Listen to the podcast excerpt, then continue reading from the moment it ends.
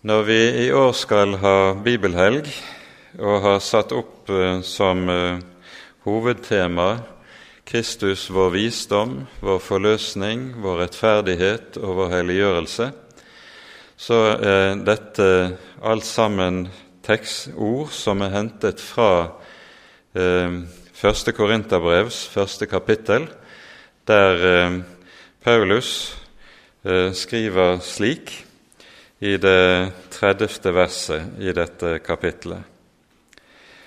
Det er Hans verk at dere er i Kristus Jesus, Han som for oss er blitt visdom fra Gud, rettferdighet, helliggjørelse og forløsning. For at, som skrevet står, den som roser seg, han roser seg i Herren.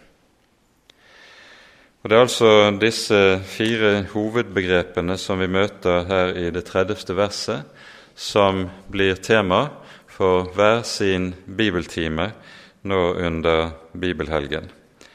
Mens det siste verset, 'Den som roser seg, han roser seg i Herren', så å si blir den avsluttende timen, der trådene også samles opp. La oss nå be sammen før vi går videre.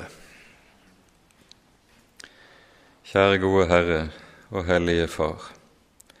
Vi takker og lover deg at du har gitt oss din egen sønn, og i ham har gitt oss en fylde av frelse og nåde, for at din sønn skal være alt i alle hos dine troende. Nå ber vi, gode Herre, at du vil sende din Hellige Ånd, og at du ved din Ånd vil gi oss åpne øyne til å se hva det er du har gitt oss i ham, som er din elskede, og at vi, Herre, må lære å se ham, tro ham og regne med ham som det du har gitt ham til å være i våre liv. Herre, forbarm deg over oss. Det ber vi for Jesus skyld. Amen.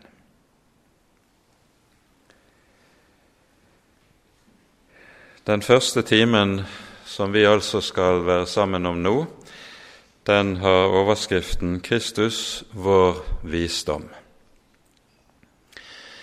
Og da er det slik i dette avsnittet i eh, første Korinterbrev at vi har eh, en lengre eh, avsnitt som taler om forskjellen på Guds visdom og menneskers visdom. Disse settes opp imot hverandre allerede fra det 17. verset her i kapittel 1 i Korinterbrevet, og eh, må vel sies å være temaet helt ut kapittel 2 samtidig som det også dukker opp igjen i det tredje kapittelet. Så denne saken, forskjellen på Guds visdom og menneskers visdom, det er altså en sak som er, utgjør en ganske stor andel av dette første korinterbrev. Foranledningen til at Paulus tar dette opp og behandler det så bredt som han gjør, det er at det har vært mye forskjellig slags ugreie i korintermenigheten. Der eh, er eh, splid i menigheten. Vi hører om at menigheten ser gjennom fingrene med ulike slags usedelighet.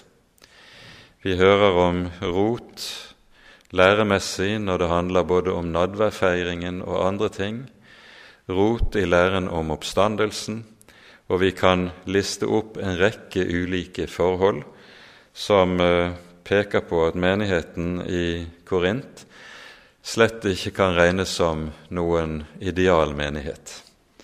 Den har vel snarere vært ganske lik mye av den, den type menigheter som vi ser i våre dager, der man også kan iaktta betydelig grad av åndelig forvirring.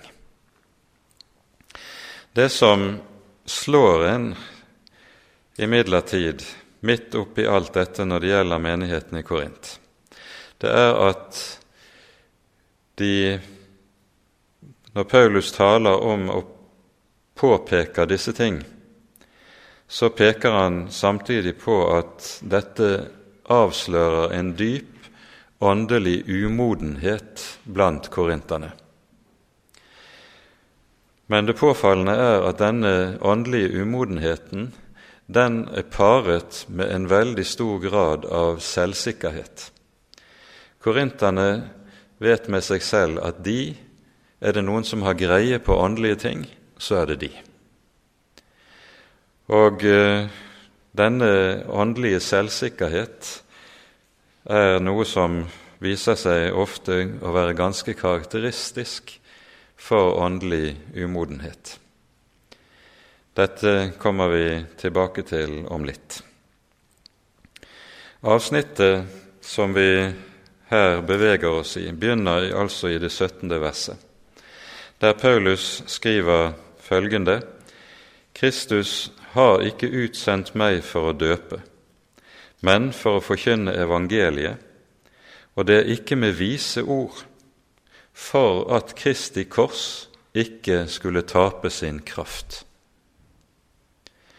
Her peker altså Paulus på at dersom forkynnelsen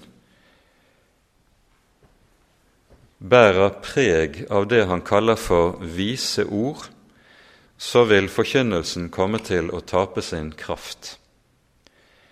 Det er altså ikke nødvendigvis slik at fordi om forkynnelsen er korrekt, altså ikke inneholder noen vrang lære, så vil den dermed være så å si rett. Tvert om peker Paulus på at selv om forkynnelsen kan i og for seg være riktig, så kan den være fullstendig kraftløs. Og Med dette så står vi inne i noe av det som vi jo ser veldig tydelig når det gjelder apostlenes forkynnelse. Den var båret av en åndskraft som gjorde at ordet ikke bare nådde ut, men først og fremst ordet nådde inn. Ordet maktet å nå inn i hjertene på en måte slik at det rammet, nådde inn i hjertedypet hos mennesker slik at det evnet å skape tro og åndelig liv i en skala som vel samler, savner sidestykke senere i historien. Vi hører dette nevnes også i apostlenes gjerninger. Det står der flere steder om hvorledes apostlene bar frem ordet med stor kraft. Og denne åndskraft og åndsmakt som var i forkynnelsen, det er vel noe av det vi som forkynnere særlig trenger å be Herren om å få. Nå er det slik at det er mange som tenker Paulus skriver jo om dette i eh, det andre kapittelet. Eh, I det fjerde verset sier han min tale og min forkynnelse var ikke med visdoms overtalende ord, men med ånds og krafts bevis. Så er det mange som tenker ut fra dette verset at ånds og kraftsbevis det skal eh, da innebære at det skjedde store tegn og under, kraftgjerninger, ved apostlenes hender, og at det er det som er ånds- og kraftsbevis. Det er neppe treffende. Rett er det at det skjedde under ved apostlenes hender. Det skjedde helbredelser som sannelig bevitnet at Herren var virksom. Men åndskraften kom ikke primært til uttrykk i dette. Åndskraften kom først og sist til uttrykk i selve budskapet, og budskapets evne til å ramme og trenge inn i hjertene, skape overbevisning og åndelig liv. Liv som var ovenfra, ikke nedenifra. Paulus skriver også her i kapittel 2 om denne saken.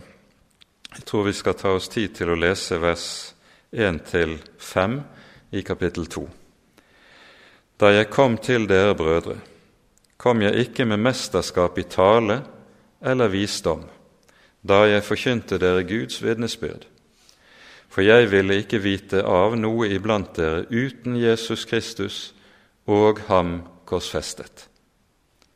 Jeg var hos dere i svakhet, under stor frykt og beven. Og min tale og min forkynnelse var ikke med visdoms overtalende ord, men med ånds og krafts bevis, for at deres tro ikke skulle være grunnet på menneskelig visdom, men på Guds kraft. Det er med andre ord slik at det er ikke apostelens overtalelsesevner som skaper tro. Det er ikke apostelens pedagogiske dyktighet eller retoriske begavelse som skaper tro, men det som han her kaller ånds- og kraftsbevis, det at forkynnelsen var båret av en åndsmakt som gjorde at den skapte det åndelige liv som det her er tale om. Det som så i parentes skal vi da kanskje også understreke at når Paulus her sier 'Jeg var hos dere i svakhet, under stor frykt og megen beven', så peker apostelen med det på noe som er en grunnlov i hele hans virke. Guds kraft fullendes i skrøpelighet. Dette er Paulus mer grundig inne på i 2. Korinterbrev, der han sier når jeg er svak, da er jeg sterk. Altså menneskelig skrøpelighet var ikke noe som var en hindring for Guds hellige ånd til å virke. Tvert om, jo svakere og mer hjelpeløs apostelen følte seg, jo sterkere kunne Guds hellige ånd virke gjennom ham. I det da, det da ble klart og tydelig for alle og enhver at her hadde de, når apostelen ble hørt, så var det ikke fordi folk sto overfor en imponerende skikkelse, en imponerende begavelse, både retorisk og filosofisk. Nei, her sto de overfor et skrøpelig og hjelpeløst menneske og så virker Herren med stor kraft skrøpelig, gjennom skrøpeligheten. Dette er korsteologien, slik den kommer til uttrykk og veldig tydelig legemliggjøres gjennom apostelens liv. Paulus sier altså i dette 17. verset i kapittel 1 som vi har lest, han forkynner evangeliet ikke med vise ord, for at Kristi kors ikke skulle tape sin kraft. Og som vi leste i, her i kapittel 2, han forkynte med ikke, ikke, med visdoms eh, overtalende ord. Og Det Paulus da sikter til når han eh, uttrykker seg på denne måten, det er at for det første så bruker han ikke sin samtids retoriske lærdom når han skal tale.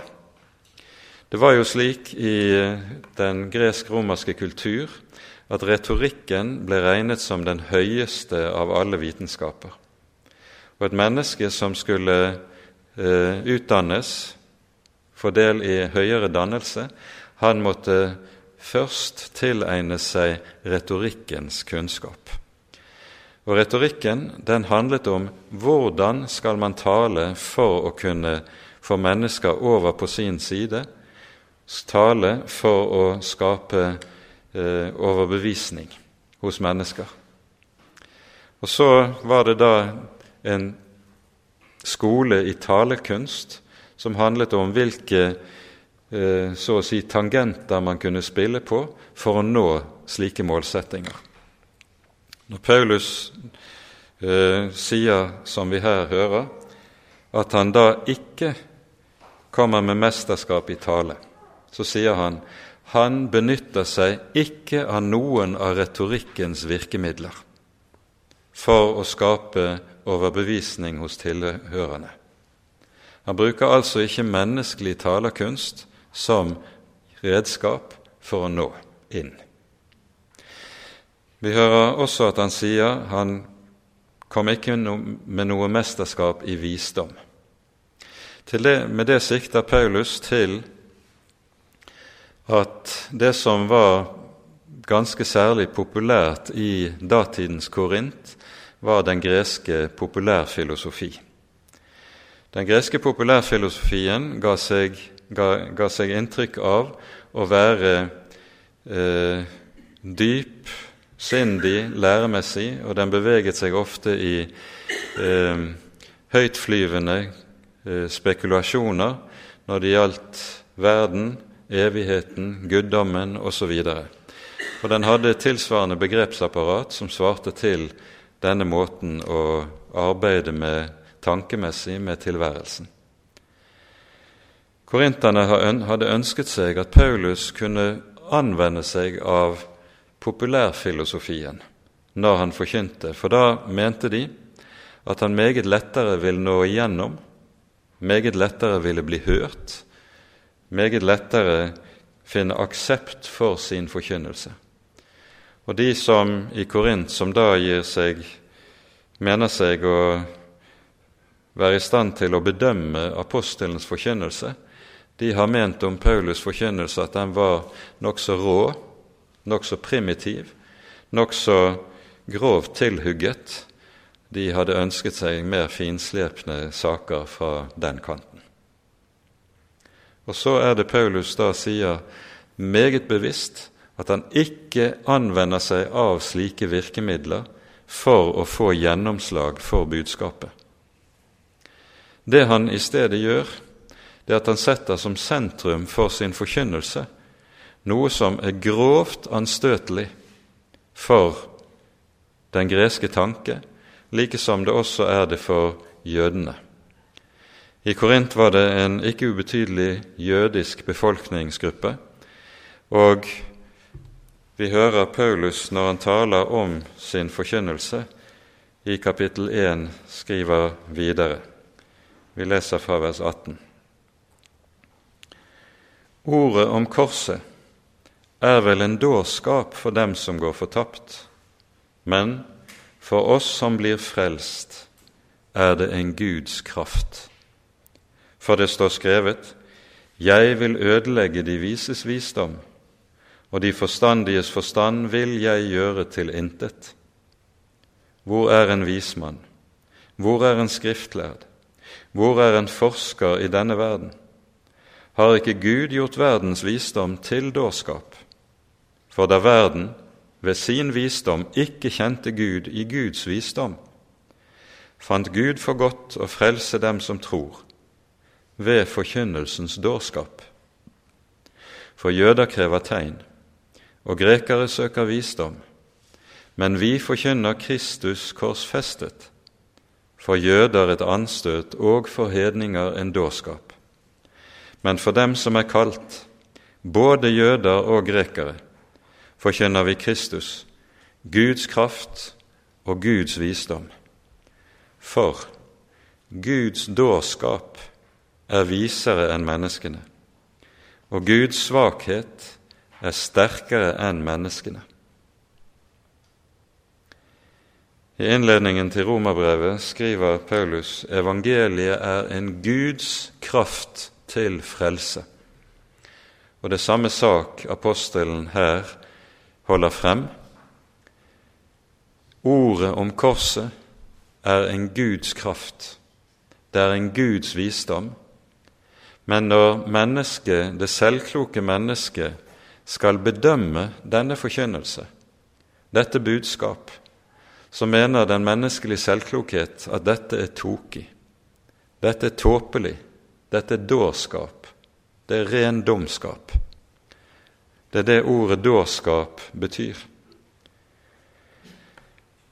Og med denne bedømmelsen så stilles vi over for det som er det falne menneskets gjennomgående problem når det stilles over for ordet fra Guds egen munn. Vi møter nemlig samme reaksjon på ordet om korset i evangeliene. Når vi hører Jesus i Matteusevangeliets 16. kapittel begynne å undervise disiplene sine om at han skal gå opp til Jerusalem, lide meget av ypperstepresten og de eldste, korsfestes og så oppstå tredje dagen. Da hører vi at Peter tar Jesus til side, og så står det han begynte å refse ham. Peter refser Jesus. Han irettesetter Jesus. Det er et meget sterkt ord som brukes i grunnteksten. Hvordan i alle dager kan Peter våge seg til, formaste seg til å tenke at han vet bedre enn Jesus? Det er den menneskelige selvklokhet som tar anstøt av evangeliet og av ordet om korset som ligger under. Og så er det at Jesus altså må tale de hardeste ordene til Peter som han får høre i evangeliene. Han sier, 'Vik bak meg, Satan', for du har ikke sans for det som hører Gud til, bare for det som hører mennesket til. Med dette så sier Jesus noe helt grunnleggende om hva som kjennetegner det falne mennesket. Det falne mennesket har ikke sans for det som hører Gud til. Det vil si, akkurat som øyet er synssansen, den sansen som hjelper oss til å oppfatte lys, øret er den sansen som hjelper oss til å oppfatte lydbølger, osv. Slik sier Jesus at i stedet for å være blind og ikke oppfatte lys, døv, ikke oppfatte lydbølger, så er mennesket en skapning som altså mangler selve sansen til å oppfatte det som kommer fra Gud. Liksom en blind ikke kan oppfatte lyset, mangler det falne mennesket selve evnen og forutsetningen til å oppfatte det som kommer fra Gud. Med dette understreker Jesus en sannhet som går igjennom alt Guds ord. Syndefallet det er noe som ikke bare preger menneskets følelsesliv på en slik måte at jeg har lyst til det som er Gud imot. Jeg har lyster som er syndige og onde. Nei, syndefallet er også noe som rammer den menneskelige forstand og oppfattelsesevne, på en slik måte at mennesket med sin forstand er ute av stand til å gripe, oppfatte og forstå det som er fra Gud. Det er det falne menneskets situasjon. Mennesket er blitt så dypt gudfremmet i sitt fall at det er ute av stand til å gjenkjenne den levende Gud når han trer inn på arenaen. Du har ikke sans for det som hører Gud til. Og Derfor reagerer også det falne mennesket når Gud åpenbarer seg med å riste på hodet og si dette er tokig, dette er dårskap, dette er slett ikke noe som behager meg. Det er det falne menneskets reaksjon på det som kommer fra Gud. Og så hører vi det er dette Paulus behandler i vårt avsnitt. Fordi dette er situasjonen, så lærer Bibelen oss også med veldig tydelighet at det er en grunnleggende forskjell på Guds tanker og menneskets tanker.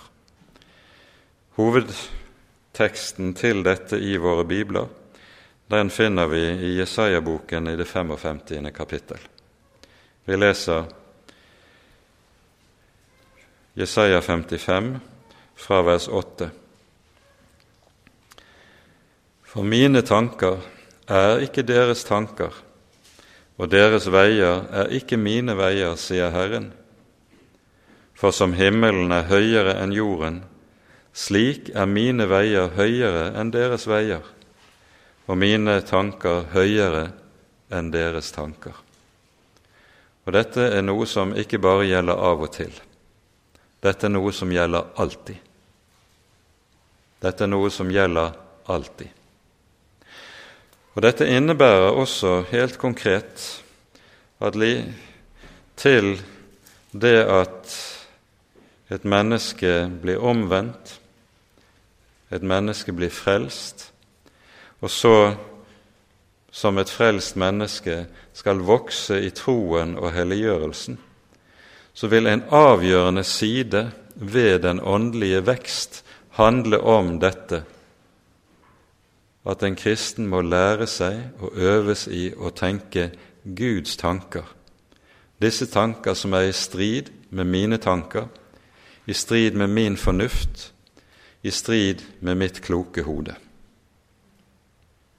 Og Dette sitter langt inne for oss. Vi møter hele denne begrepsverdenen en rekke steder i vår bibel.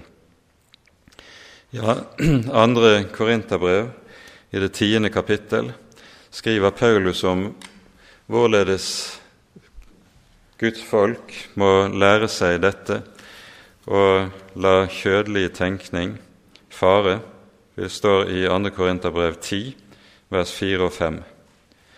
Våre stridsvåpen, altså i den åndelige kamp som foregår, de er ikke kjødelige, men de er mektige for Gud til å bryte ned festningsverker idet vi river ned tankebygninger, og enhver høyde som reiser seg mot kunnskapen om Gud, og tar enhver tanke til fange under lydigheten mot Kristus. Og å lære dette, det er ikke gjort på én, to, tre. Å lære dette er noe som kan ta et helt liv. Og på ny og på ny vil en kristen i erfaringens vandring med Herren måtte konfronteres med at Herren tenker annerledes enn jeg tenker. Herren vurderer annerledes enn jeg vurderer og så øves i å bøye seg for denne dom. I eh, det tredje kapittel, der Paulus vender tilbake til denne tematikken, leser vi slik i eh, vers 18 og 19. Han skriver:" La ingen bedra seg selv. Hvis noen av dere regner seg for å være vis i denne verden, da la han bli en dåre, for at han kan bli vis. For denne verdens visdom er dårskap for Gud. Det står jo skrevet 'Han fanger de vise i deres tanker', og et annet sted 'Herren kjenner de vises tanker og vet at de er tomhet'. På denne måten innebærer, dette innebærer at det å bli et kristent menneske, det blir en, så å si en intellektuell ydmykelse, der en kristen må øves i dette, som også settes ord på i ordspråksboken. Sett din lit til Herren av hele ditt hjerte og stol ikke på din forstand. Det innebærer at en må øve seg i å sette sin lit til det Herren sier i sitt ord, også om forstanden sier annerledes, også om forstanden protesterer. Dette står i ordspråksboken i det tredje kapittel, og i tilsvarende føyes det til i det neste verset. Vær ikke vis i egne øyne. Frykt Herren og vik fra det onde.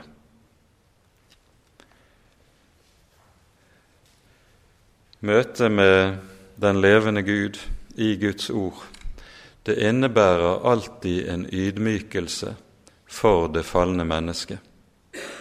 Denne ydmykelsen vil oppleves forskjellig for de forskjellige mennesker. Og, men allment er det en ydmykelse som også berører min, mitt selvbilde, nemlig at jeg selv vet best. Vær ikke vis i egne øyne. Frykt Herren og vik fra det onde. Og med dette så ledes jo øynene våre umiddelbart i retning av et av disse helt sentrale versene i vår bibel.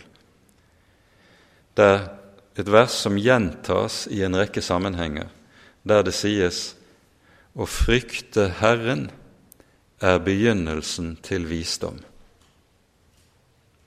og å kjenne Den hellige er forstand. Dette står i ordspråkene 9.10, gjentas et par ganger i ordspråksboken, og vi finner det også i Salme 111. Å frykte Herren er begynnelsen til visdom. Hva er Guds frykt? La oss først minne om ordene som vi, eller løftet, burde vi si, som vi finner i Jesaja-boken 66. kapittel. Et to vers i begynnelsen av Jesaja 66 som taler nettopp om Herrens storhet, allmakt, majestet, velde og visdom. Det står slik:" Så sier Herren, himmelen er min trone, og jorden er en skammel for mine føtter. Hva slags hus kunne dere bygge meg? Og hvor skulle der finnes et hvilested for meg? Alt dette har jo min hånd gjort, og slik ble alt til, sier Herren. Men den jeg vil se til, det er den elendige, og den som har en nedbrutt ånd og er forferdet over mitt ord. Her gir Den allmektige den hellige og veldige et stort løfte. Han er den utilnærmelige allmektige, den evige hellige, men har lovet jeg vil se til den som er sønderbrutt, og som er forferdet over mine ord. Og det å være forferdet over Herrens ord, det er noe av det grunnleggende i det vi kaller for Guds frykt. Forferdelsen over Herrens ord, det er det som møter et menneske når Herren trer frem, og jeg ved ham møter dommen over meg selv. Dommen over mitt liv, dommen over mine veier, dommen over mine tanker. Det som jeg tenkte så høyt om når det gjaldt meg selv det står alt sammen under Gud, den levende Guds dom. Og Der dette blir virkelig for et menneske, der skapes det en veldig forferdelse. Da går et menneske, og dette har vi vel pekt på i flere sammenhenger, over en grunnleggende skillelinje. Før et menneske kommer i den stilling, så ser det på seg selv som den som er i stand til og kan bedømme Gud og Guds ord. Når en er kommet igjennom denne skillelinjen, da er det blitt motsatt. Da vet jeg om meg selv jeg er den som blir bedømt. Jeg er den som står under ordet, ikke over det. Og alt mitt er lagt under Den helliges dom også mine tanker, også mitt selvbilde. Alt dette hører med i den dom som føres inn over et menneske i en slik situasjon. Å frykte Herren er begynnelsen til visdom. Den som er vis i denne verden, han blir en dåre for at han kan bli vis. Når et menneske er kommet i den situasjonen da er han ikke lenger der at han vil fortelle Herren hva han bør gjøre, eller hva han skal gjøre, eller hva han kan gjøre, slik som Peter forsøkte seg på når han irettesatte Jesus. Da blir det motsatt. Da bøyer en kne og sier stille, sånn som Jobb må gjøre det når han har vært igjennom sin prøvelse. Jeg har talt om det jeg ikke hadde greie på, men nå vil jeg tie, og du skal lære meg. Tal du, så vil jeg høre. Og så taler Herren, og det mennesket som har fått åpnet øret sitt på det vis, han har begynt på den veien som Paulus taler om her. Den som er vis i denne verden, blir en dåre, for at han kan bli vis. Da er en kommet i den situasjonen at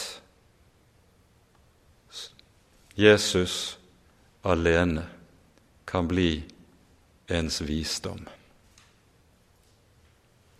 Da er ordet om Han som hang på korset, selve hemmeligheten, selve livet, selve kjernen i alt som heter åndelig visdom.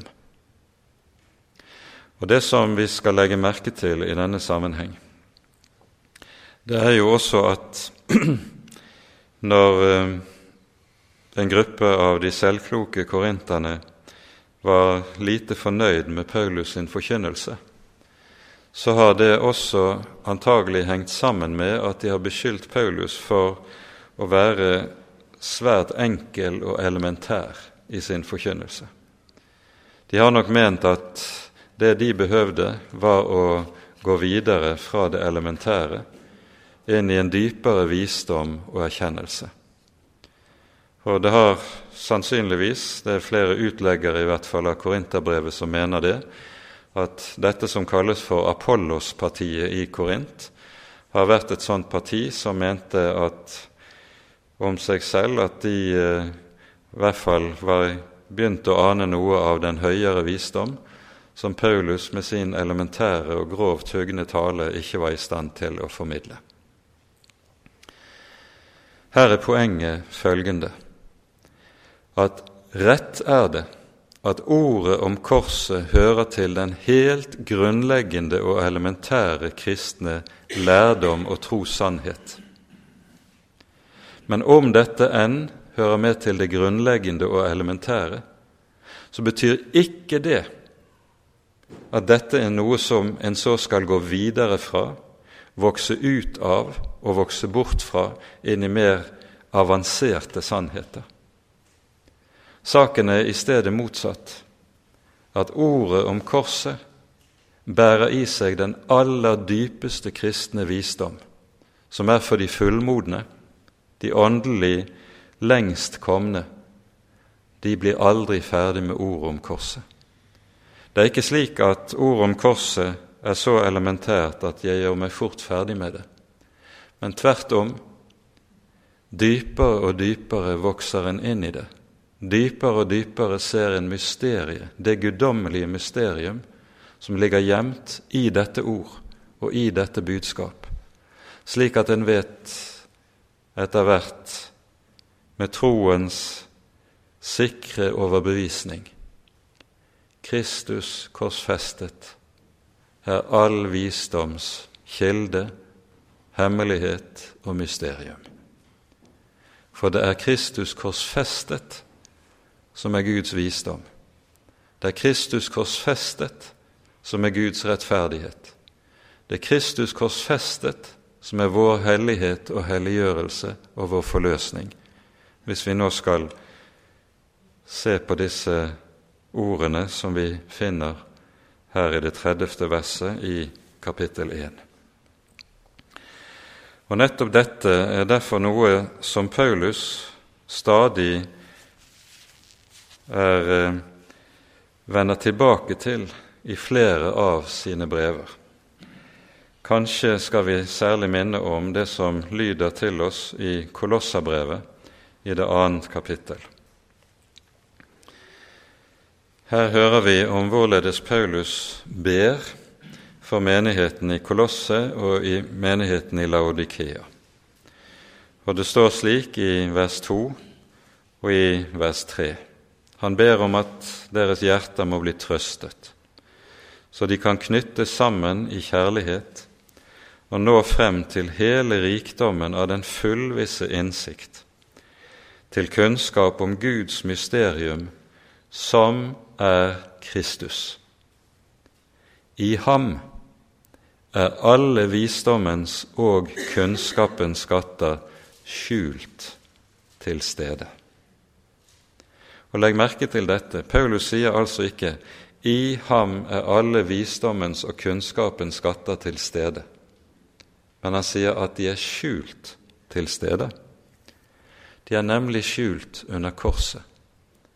Skjult under korset, det kors som for verden ser ut som skrøpelighet, svakhet og nederlag. I dette kors, der ligger hele Guds hemmelighet og mysterium gjemt, skriver Paulus. Og Derfor er det også han ber for menigheten i Efesos, slik vi hører om det i første kapittel i Efeserbrevet. Her hører vi han ber om følgende. Jeg ber, Vi leser fra vers 17 i Efesene 1. Jeg ber om at vår Herre Jesu Kristi Gud, herlighetens Far, må gi dere visdoms- og åpenbaringsånd til kunnskap om seg, og gi deres hjerter opplyste øyne så dere kan forstå hvilket håp Han har kalt dere til, hvor rik på herlighet Hans arv er blant de hellige, og hvor overveldende stor Hans makt er for oss som tror, etter virksomheten av Hans veldes kraft. Det var dette han viste på Kristus da han reiste ham opp fra de døde og satte ham ved sin høyre hånd i himlene. Slik ber apostelen for menighetene. Og det handler alt sammen om dette, at de skal få lov til å få nåde til å få opplatte øyne til å se se hva de eier, se hva det er Gud, Herren, har gitt dem i sin Sønn, og at alt er gjemt der i ham. Det er også slik at vi, når det gjelder dette, at Paulus skriver 'Kristus er vår visdom fra Gud', så ser vi her noe av det samme i Paulus' måte å tale på som vi finner i Johannesevangeliet når det tales om sannheten. Jesus sier om seg selv når han forhøres for eh, Pilatus for å vitne om sannheten er jeg sendt til verden. Hver den som er av sannheten, hører meg. Og Da forstår vi at ordet sannhet her brukes i betydningen et bestemt budskap som den Herre Jesus bærer frem. Han taler det Faderen har gitt ham, hører vi en rekke steder i Johannesevangeliet, for å vitne om sannheten. Men så sier han også samtidig i det 14. kapittelet i Johannesevangeliet 'Jeg er sannheten'. Altså, sannheten er ikke bare et budskap, men det er bundet opp og knyttet til Kristi person. Han er sannheten. Slik er det også med det Paulus sier om visdommen i det vi leser i første Korinterbrev. Visdommen den bæres til oss i budskapet om korset, i ordet om korset. Der ligger Guds visdom gjemt. Det er altså gitt i et budskap. Og så sies det samtidig denne visdom er samlet i en person. Jesus er Guds visdom. Så det er ikke bare en sak, men det er en person som er Guds visdom. Slik er det Paulus tenker og uttrykker seg i dette som vi her hører. Når det på denne måten er tale om Guds visdom, så er det tale om en visdom som skiller seg på avgjørende vis fra alt det som kalles filosofi i gresk tradisjon. Visdommen er en person Visdommen er knyttet til korset, og visdommen er ikke kjennetegnet ved den typen kosmologiske spekulasjoner som han fant i den greske filosofien. I stedet er det slik at visdommen, i, slik vi finner den i Bibelen, den er utenkelig uten godhet. Visdommen viser seg å kjennetegnes alltid av godhet eller av kjærlighet. Uten godhet gis der ingen visdom, slik som Bibelen tenker det. Og nettopp Kristi kors er jo selve den grunnleggende åpenbaring også av Guds godhet mot syndere og mot en fallen menneskehet. Og denne godhet, den kommer alltid til uttrykk der Guds visdom nedfelles i menneske, troende menneskers hjerte. En får trang til å øve og vise den samme godhet mot mennesker som Herren har vist mot meg. Og hvor stor godhet, hvor uendelig stor godhet, har Han ikke vist mot meg. Slik er disse to begreper noe som går hånd i hånd i Den hellige Skrift, og det er viktig å være oppmerksom også på den siden ved det. Det siste vi skal peke på før vi setter punktum for denne timen, det er at der denne Guds visdom får rom i kristne menneskers liv, fører dette også til ikke bare at en tenker på grunnleggende annen måte enn mennesker flest tenker, men også i sin tjeneste i Guds rike kommer til å tenke og å opptre annerledes. Opptre på en måte som for mange kan virke dåraktig. Det er det Paulus gjør i sin tjeneste. Hele hans måte å tjene i Guds rike Det er tydelig at korinterne ser på meget av dette som den rene dårskap. Og Dette er noe som også møter oss veldig tydelig i forbilder vi har i Det gamle testamentet. Om Moses sies det i apostelgjerningene kapittel 7. Det er Stefanus' tale. Så sier han om Moses Moses var opplært i all Egyptens visdom og han var mektig i ord og i gjerning. Dette var når Moses var 40 år gammel. Og så tenkte Moses da det er meg, og så gjør han denne handling der han mener at folket skal forstå at det er han Gud har utpekt til å være sitt folks befrier. Og så går det stikk motsatt av det Moses har tenkt. For når Moses var mektig i ord og gjerning, kunne Gud ikke bruke ham. Han må bli 80 år gammel før Herren kommer og kaller ham, men da sier han det er for sent.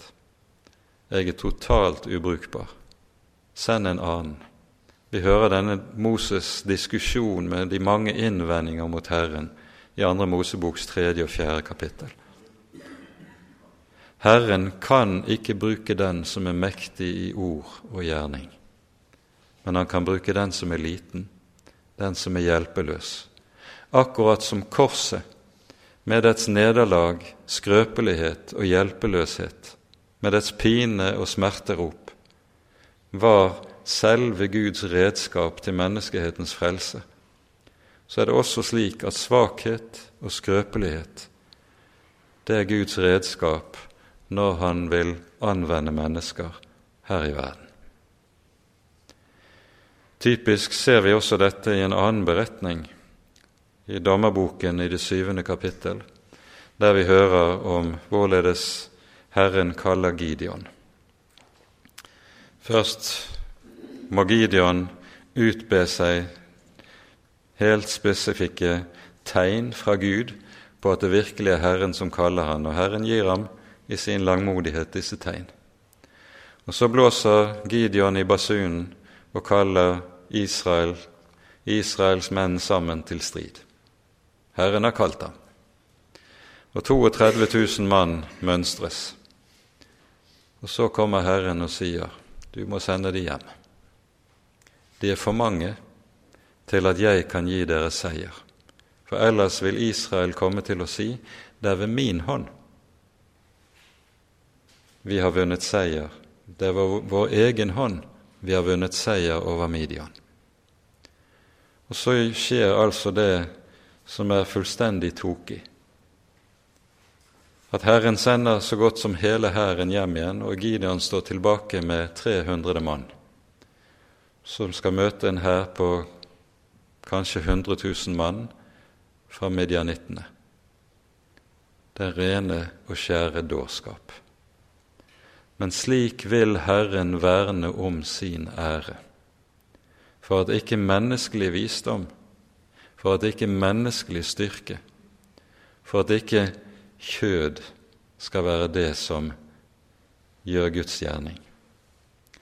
Vi har så lett for å tenke som så at Gud bruker kjødelige midler for å nå åndelige mål. Sånn er det aldri. Gud vil bruke åndelige midler for å nå åndelige mål. Og da går han ofte ja, regelmessig frem på en måte som i våre øyne ser underlig, ja, av og til ut som den reneste galskap. Men det er Guds visdom som på denne måte kommer til uttrykk.